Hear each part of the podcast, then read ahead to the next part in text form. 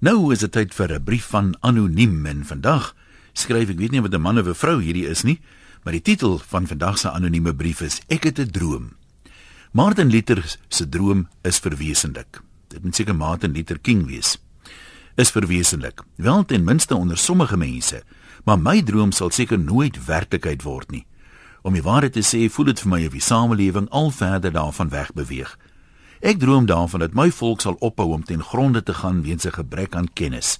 Dis vir my skrikwekkend hoe maklik ons oordeel en wille opinies uitspreek oor dinge waarvan ons bloed weinig weet. Sal dit nie wonderlik wees as kinders van kleins af geleer kan word om voordat hulle 'n besluit neem, eers al die inligting in te samel, dit op te weeg en op grond daarvan te besluit nie? Is dit dan nie hoe mense veronderstel is om ingeligte besluite te neem nie? Is dit nie beter as om wilde aannames te maak nie? Suksesvolle sakeondernemings pas dit toe. So hoekom kan ons as individue dit nie ook in ons eie lewens doen nie? Hoekom wil elke tweede Jan Rapp en sy maat om die braaivleisvuur 'n kenner wees van enige ding onder die son waaroor daar gepraat word? Ongelukkig glo die meeste van ons ook mos net wat ons graag wil. As ons nie van iemand hou nie of as sy opinie nie inpas by dit wat ons glo nie, is dit mos ondenkbaar dat hy reg kan wees. Vat net maar president Zuma met sy opmerking dat Eskom se kragtekorte voor apartheid se deur gelê kan word. Dadelik met 'n klomp mense omtrent gaan skoon aantrek. Kyk, ek is geen groot aanhanger van alles wat die president kwytraak nie. Maar wat as 'n vooraanstaande Afrikaanse ekonom wesentlik dieselfde sê? Is jy dan bereid om eers te luister?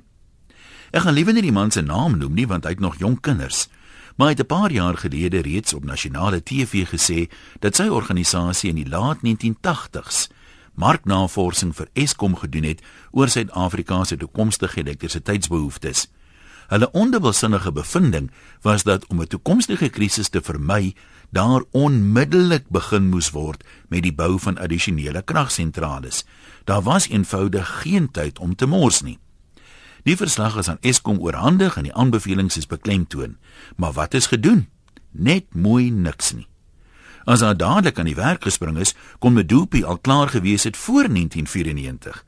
Maar in die laaste jare van sy bewind wou die NP skynbaar nie duur langtermyn besluite neem nie. Ook die regering van nasionale eenheid onder Madiba se leiding het niks gedoen nie. En Eskom het skynbaar net die verslag geleaseer.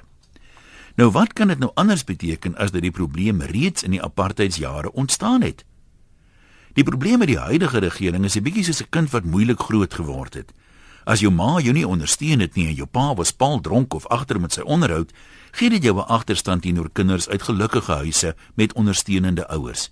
Dis menslik om jou ouers te blameer en te verwyd.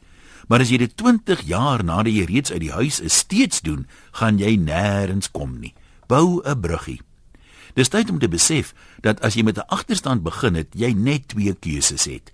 Gebruik dit as 'n verskoning en bly agter of gebruik dit as motivering om harder te werk, in te haal en vooruit te kom.